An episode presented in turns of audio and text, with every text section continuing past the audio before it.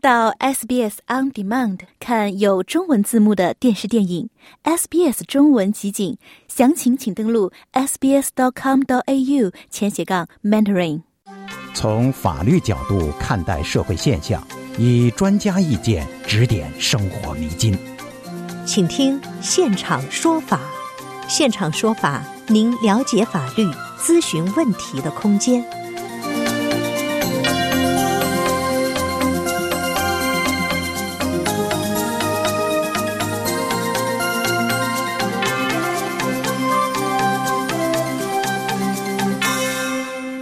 朋友您好，欢迎您继续收听 SBS 普通话每周二的早上为您带来的现场说法听众热线节目。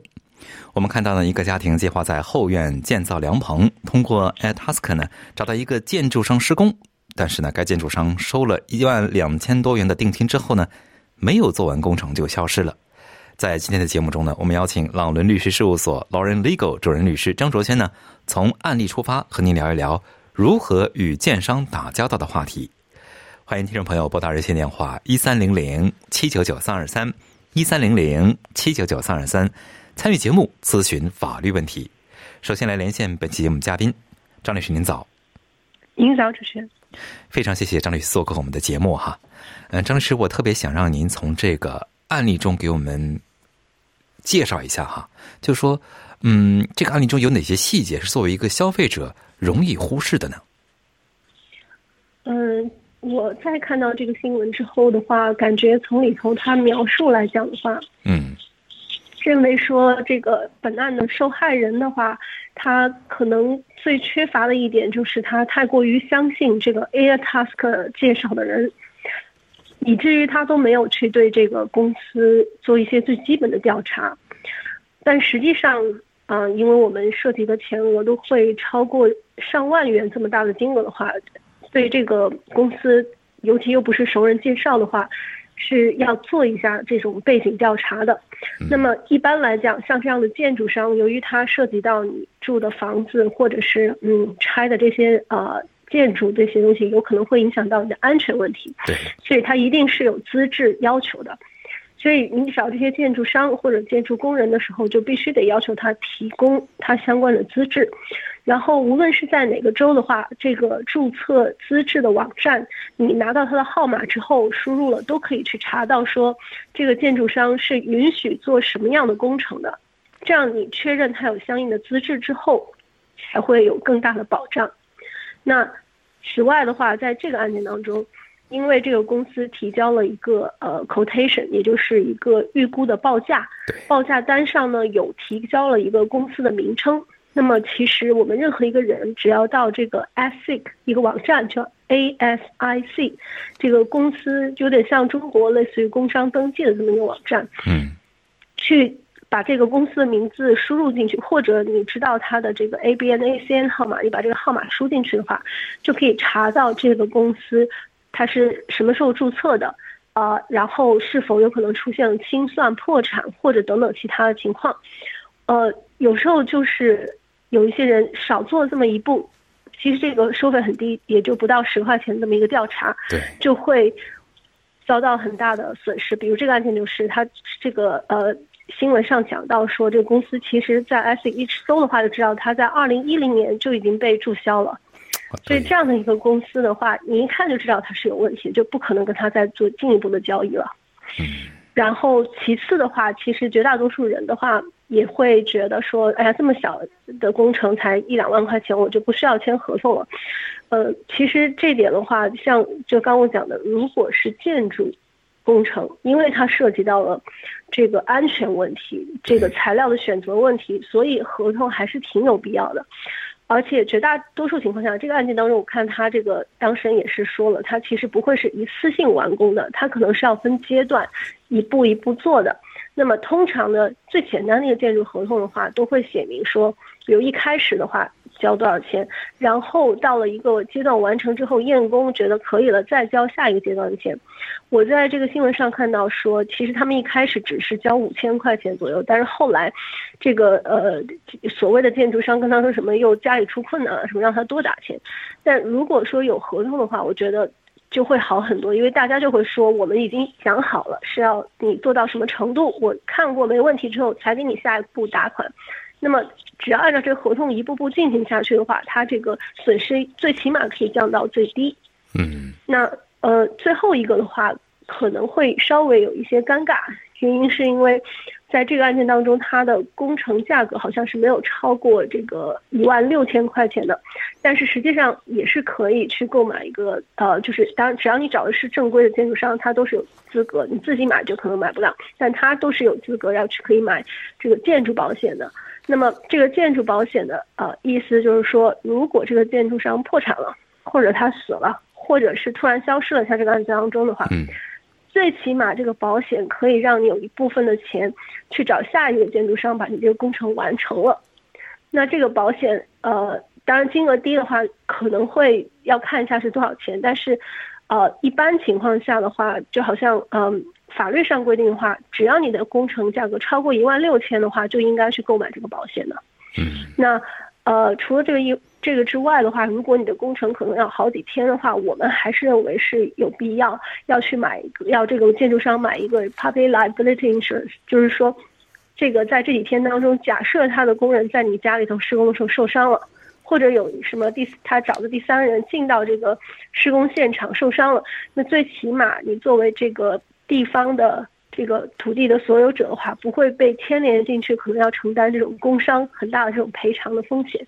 嗯，确实是啊，这个保险很重要，起码就是说涉及到一些纠纷或者找不到人，或者是受了伤之后，有建筑公司呃有这个保险公司替你来分担部分的呃诉讼也好，或者是赔偿也好哈。对的，就说签这个建筑合同哈，嗯，有哪些条款其中是需要我们去注意的吗？呃，一般情况下，你找到了一个比较正规的建筑商，我我遇到的情况就是，即便他是只是一两万或者是几万块钱，他也会给你签住签这样的一个建筑合同。嗯那在法律上规定的话，只要他的工程工作的价值超过一万澳币的话，都必须要签订这样的书面的民用建筑合同。那在这种合同当中的话，一定都会写明说，是会通过分期付款的形式来进行结算。那么，所以作为这个消费者来讲的话，必须要看清的就是分多少期，通常它是跟你的这个工程的进程是有关联的，所以每一个时间点都应该定定到是某一个工程完成的点，然后只有呃，然后这个付款呢都会给它设定一个条件，就是比如说你给我呃把这个墙推倒是一个阶段，推倒完之后我去看了，你把这些这个呃 waste 那些杂的材料那些都已经清理，垃圾都清理了之后，我会付一部分钱。然后第二部分的话，比如平这个地是平好了到什么样程度，也会付一个钱。那通常就是这样一个阶段一个阶段的，然后定好付款条件的话，那么就会保证说这个建筑商最起码不会说做到一半，像这个案件当中就跑掉，对，然后钱还都拿走了，然后工程扔了一半，或者甚至连一开始都没有做到。所以说，一定是不可以接受有一些建筑商说，哎，反正钱少你就一次性全给我，绝对不可以接受这样的要求。嗯然后，其次的话呢，就是通常来讲，很多的建筑商他赚取利润比较丰厚的部分，就是在材料的使用上面。所以说，如果说你不是很介意说他从你的材料当中多赚一些钱的话，你可能不在选材料上面的约定也不会太在意。但是如果说你自己的这个预算比较紧张的话，你会跟建筑商讲明说，可能你能给他的就是明码标价的这个建筑上的工程的这个工作材料。那么其他这个具体的材料用什么的话，你想要自己来去这个材料市场去选择的话，你可以跟他在合同当中约定这个，或者让他去告诉你说哪些材料是多少价格，你可以到其他的地方去比一下价格。如果觉得这个价格可以接受的话，那么就在这里约定好。而且通常情况下，如果说比如说一个工程要几个星期甚至几个月的话，那这个材料的价格就有可能上涨，或者说这个材料就在这一块儿的话就没有货了。那这个在澳洲是经常会发生，特别是你的材料如果是从什么欧洲啦。美洲的，其他的国家要运过来的话，更会出现这样的问题。所以在这种情况下的话，通常都会合同中约定说，比如说有可能有溢价，会是百分之多少。那么在这种情况下的话，如果这个材料没有的话，那么替代材料大概是有什么样一个范围，然后价格是多少？那只有这些都约定的话，才不会出现这些问题出现的时候，然后。我们再有纠纷，或者我们再去讨论，那通常还是消费者吃亏，因为你肯定不希望你的工程因为这些原因去拖工，然后会导致其他的问题，你可能下一个阶段这个房子就没法住啊，或者没法出租啊。嗯，所以在合同当中约定这一部分的话也是非常重要的。然后第三的话呢，就主要还是要约定这个叫做 defect 的 rectification 的时间，也就是去啊，建筑商通常要保证免费去修补一些工程缺陷。特别是在相当于是。没错保没错保修条款，特别是现在的话，很多的材料这个生产商的话，它其实它的这个生产标准已经不会是说哦，我要保证每个批次的这个生产的产品都要保证要达到一定什么特别好的这个质量，它总有一定的残缺率，就是有可能运给你的材料就是坏的或者怎么样，那这样的情况你就得换掉，而且我可以免费帮你换掉，正是因为有这样子的一个呃工业上的流程，所以这个。建筑商这块儿，他也一定会帮你写明说，如果你的材料，比如在三个月、六个月，甚至一年当中的话，出现了一些小的问题的话，我可以帮你免费换掉。然后或者比如说有些漏水啊、涉关这种的话，我要帮你保修。像这样的保修条款在合同当中也一定要约定，而且当然这个时间你能够约定的越长会越好，这样能够保证说在一定运营你的这个工程完了之后，在一定运营的过程当中发现的问题。也可以去及时的修正，然后这样才能保证你将来不会一直出现这个问题。如果是一直出现的问题的话，那你可以跟建筑商提出说，你可能是整个施工就是有大的问题，所以你要承担赔偿责任的话是怎么样？这样你的这个证据也不会说，因为过一段时间没有，所以这个东西的话，从无论从近期还是长远来看，都是很重要的一个约定。嗯，这个真的是非常重要。对，那么最后来讲的话呢，可能有一些消费者并不是特别的在意，因为特别是比如说我是跨州买的房子啊，那那种情况下，我可能在施工的时候是比较难去看的。但事实上来讲，无论任何一个工程它大还是小，都是需要你这个所有者或者是你派的人去在现场施工的过程当中进行监工的。看一下，因为在没错，因为很多的问题，其实特别是建筑来讲的话，它是能够从一开始发现问题就去纠正，然后避免后面导致出现严重的问题的。我觉得这个新闻当中可以看出来，可能这个 主人的话，他也神经也比较大条一点，所以他感觉上他并没有真的去他就是那个场地去看那个人去具体怎么样做的，然后每一个做的他。他如果发现问题，就应该会跟那个人讲，包括那几个人，那个人如果一天两天没出现的话，他应该马上去采取一些行动。给人的感觉就是他过分信任对方，以至于就是这个人跑了好几天，他才能发现这些问题。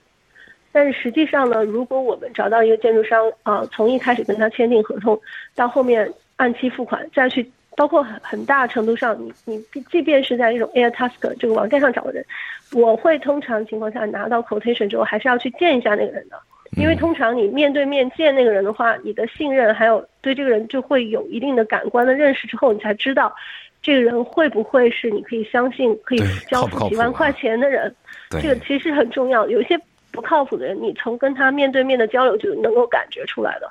嗯，所以说呃，那么。如果合同当中有限制，呃，这个消费者可以去施工现场，或者是只能限制你去几次的话，这些我认为都是比较可疑的。因为施工现场本身的话就不应该限制我一个，呃，委托人的话可以随时去看你的进展，然后也可以随时的发现问题去跟你协商。如果只是你制定的时间或者特定的地点我可以去的话，那你可能在之前就可以掩盖很多的问题。那这样的话，到了后面交到我这儿的话，再去解决的时候，我就很被动了。所以就是关于这种施工现场啊、检验的条款，还是要跟对方要讲清楚的。哎呀，非常感谢张雪瑞、张雪轩律师的介绍啊，就是其中呢，可以如果是从中按照您的建议来的话，可以避免到很多的坑哈，这个很重要。听众朋友，欢迎您继续拨打热线电话一三零零七九九三二三一三零零七九九三二三参与节目咨询法律问题。接下来我们来接听听众电话，这位是黄先生，黄先生您好。哎，您好。哎，您好，您请讲。那个，呃，我想问一下啊，呃，律师，那个我现在出现这么一情况，我呢结婚担保人移民，然后呢，我发现他把银行账号借出来洗钱去，呃，后来我就跟他说，我们分开吧。分开了，然后呢，他就把家给砸了，把家给砸了的时候呢。砸完了，我一边砸的时候，其实我是挨那儿拍照片、录像的。然后呢，他就出去了。他他妹妹来了以后，他们出去了。三个小时以后，他报警了，报警说我家暴，说我家暴呢。现在就是这个警察给我告到法庭上去了。呃，一开始我找了一个律师，我没有。呃，忘了，当时也懵了，也给给给我戴着手铐就带走了嘛。后来那个，我现在才想起来，我最近把这个呃录像照片都整理出来了，啊，能证明不是我打的，因为我挨那儿录像嘛，我挨那儿拍照片嘛。那他这么诬告我，呃，在法律上来说，我怎么能呃这制裁他呢？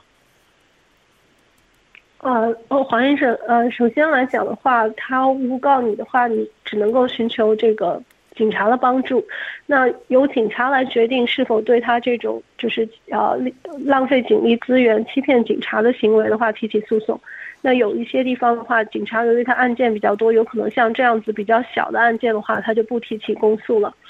呃，所以你唯一的方法就只能是告诉警察，去看警察是否愿意对他提起诉讼。那呃，至于您自己这边的话，当然就像您说的，必须要寻找律师的帮助，向警察证明你是清白的。啊，就是说，呃，因为他给我排期排的八月三十一号上法庭，因为开了一庭，开了一庭，我也是没认罪，在警察，呃，警察局的时候，呃，口供啊、录像啊，我也没认罪。那对方的那个女的呢？呃，在警察局的时候，警察要录像，让他上医院去验伤，他不去。然后呢，那个要录像录音，他拒绝了，他只是口供。呃，那在这种情况，他就是说我八月三十一号到法庭上去，到法庭上去，他要在法庭上做假证，是不是要受到法律处呃呃惩罚呢？还是那句话，如果他无论是欺骗警察，还是在法庭上做假证，那到最后是由警方决定对不对他提起公诉。你这边可能更多的精力应该放在证明你自己是无辜的上面。呃，我，呃，我是这个，就证明我无辜就那还有一个问题，因为那个结婚证呢，我现在呃安静下来我才呃发现，因为我在澳洲没结过婚。呃，因为结婚证是，呃，在澳洲法律规定，我查了这些，就是要一个月以上就 booking，对吧？找那个，然后呢，呃，结婚的时候有两个证婚人在场，就是认这两个证婚人我们认识的，必须得这样。可是他认识那个就是结婚登记那个，然后直接到那个人家里头，就我们三个人，我和他还有那个结婚登记那个，直接就开了一张呃结婚证。那这个也是不合法律规定，我看，那这个应该怎么处理？呃，如果你想让法院认证你的结婚是无效的，像你说的，因为结婚的要件你们其实并没有达到，那么首先第一点的话，你可以到家庭法院去，按照这个是申请，就是宣告这个结婚无效的申请去递交。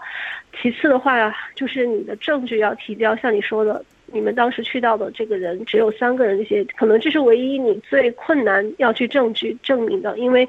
现场只有你们三个人。如果另外两个人咬定说还有第四个人在或者满足这些要件的话，你可能很难证明说只有你们三个人在。所以就看你这个事情是不是要这样子去做。呃呃，这个我能证明，因为我也没有这两个证婚人的名字我都不认识，因为汉语拼音对方。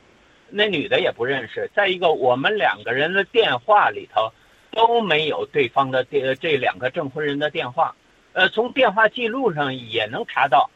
啊呃没没有任何呃电话联系。啊，这这点能做到。那您说是上家庭法院是吗？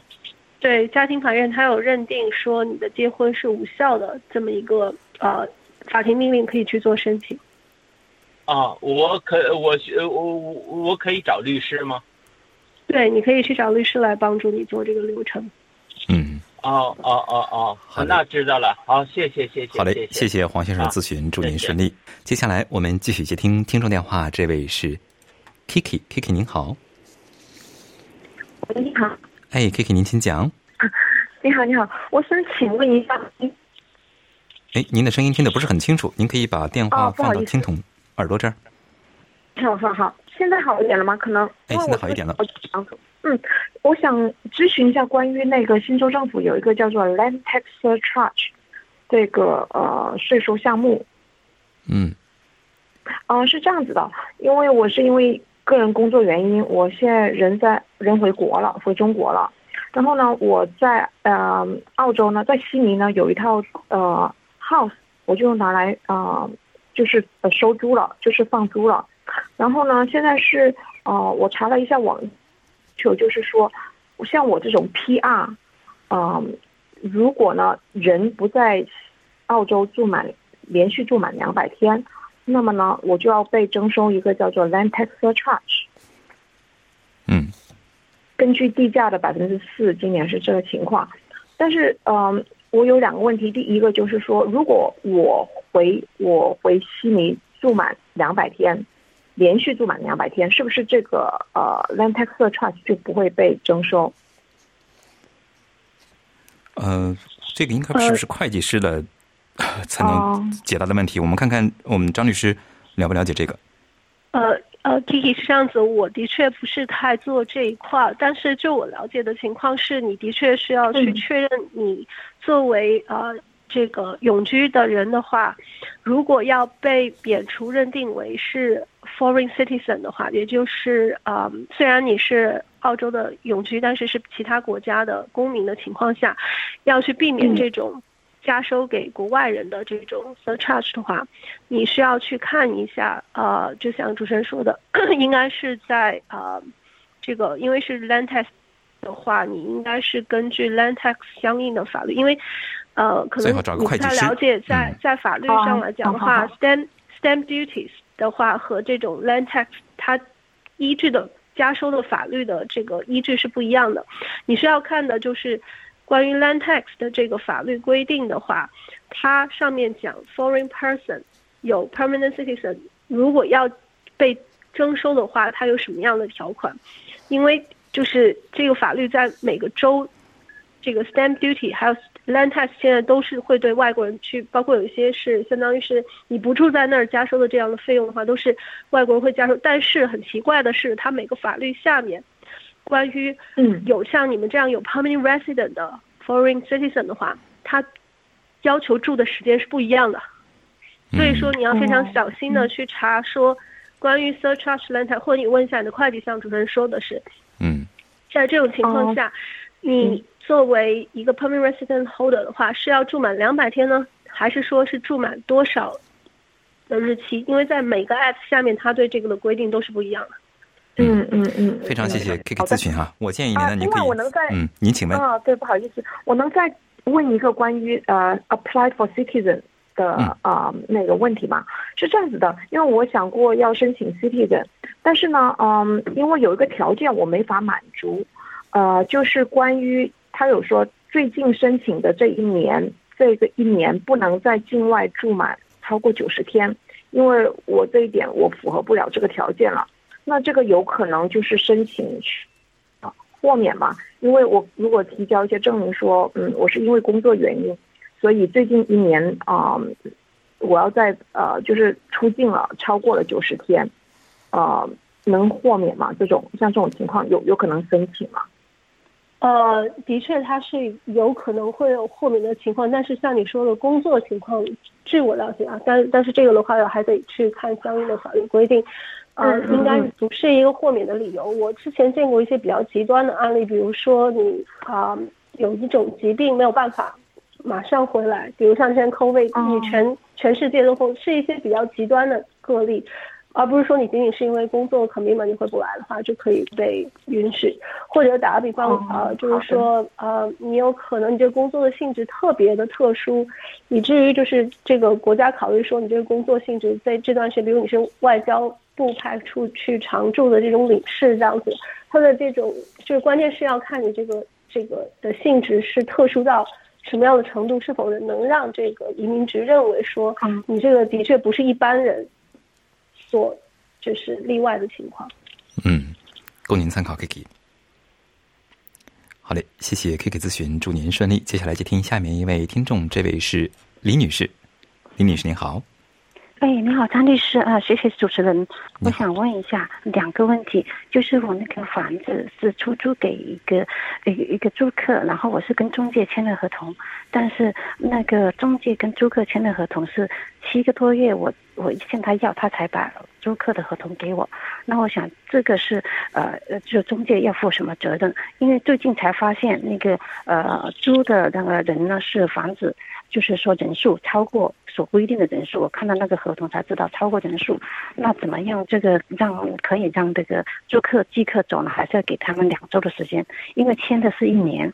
那那这个是不是破坏了这个合同？就是说他说不能超过四个，但是他已经超过了四个了。呃，李女士，我有点没太听懂，你现在合同上是有约定最多可以住多少人吗？最最多 maximum 不能超过四个，但是听我是听合同合同中约定了是不能超过四个是吗？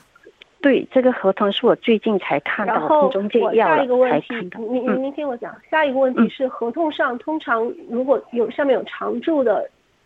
居民的话会要求那个常住居民的名字写在合同上，那么他们多住的这些人有没有把名字写到跟你的合同上？没有，没有，只是写个数，不超过四个，maximum 不能超过四个。听我的问题，我是说你想要赶走的这些人没有在合同上是吗？呃，不是，我现在就是发现人数就是常住的这些居民有在合同上写上自己是常住居民吗？没有，就是没名字没有写，什么都没有写。OK。所以说，你在这个租约上面的话，只有跟你签租约的那个人，嗯，只有那个人，对，只有他那个人的名字。所以你可以看一下你的租约合同，通常租约合同上有讲说，如果他要增加常住居民的话，他必须要给你通知才可以增加，否则你是可以要求让他这些没有披露的人不能住在里边的。嗯，但是如果是住客撒谎说，我就是这个常住的，我是没有超过四个的。那我这怎么采取证据？就是可以让他们走了。我这个因为里面还有发现住的残疾的人，这个也是我完全不知道的。对，所以你这个呃，你是在新州是吗？对，新州。呃，你这个还是要说以他违反这个呃这个租约的形式，然后去通知他说，比如说我除了见到你这个租约上的人之外，其他的人的话，比如说你可以隔一个月去。或者隔四周过去看一下，你就可以讲说，我在这一个月之内都看到你，就是派或者派中介每周会过去 inspection 一下，都看到你这个人在里边住，那你肯定不可能是临时住在里面的，对不对？而且包括你们 inspection 的时候就能看到他的东西放在那里，不可能是一个人住在里面的状态。那你这些照了照片之后的话，你可以给他发通知，首先这些人要在限期之内，比如一周两周要搬出去。除了这个租约上面你允许人住在里面，其他人是不会住在里面的。然后其次的话，你可以到 NCAT 去做申请，要求按照你的租约去呃 enforce，就是说只能让其他人都可以让 NCAT 给你下命令，让其他人全部都搬走。哪个 NCAT 是哪个？怎么拼？呃，NCAT。NCAT 就是哦，这跟他们这个 fair trading 这是民事诉讼仲裁庭。这个如果你有。找地产中介，他们都知道的，就是凡是您这样的 tenancy 的 dispute 的话，都可以到这个地方拿 order。谢谢李女士咨询。由于时间关系，今天的节目要和您说再见了。非常感谢张守轩律师做客现场说法听众热线节目给我们的支持。因个人情况因人而异，法律问题复杂，本节目仅供一般性参考，并无意提供任何个案法律建议。具体纠纷，请咨询专业的律师。想在 SBS 当一回影评人吗？SBS On Demand 正在推送配有中文字幕的热门影视作品。您只需观看一部或以上影视作品，并把影评观后感发给我们，就有机会赢得一份 SBS 精美礼品。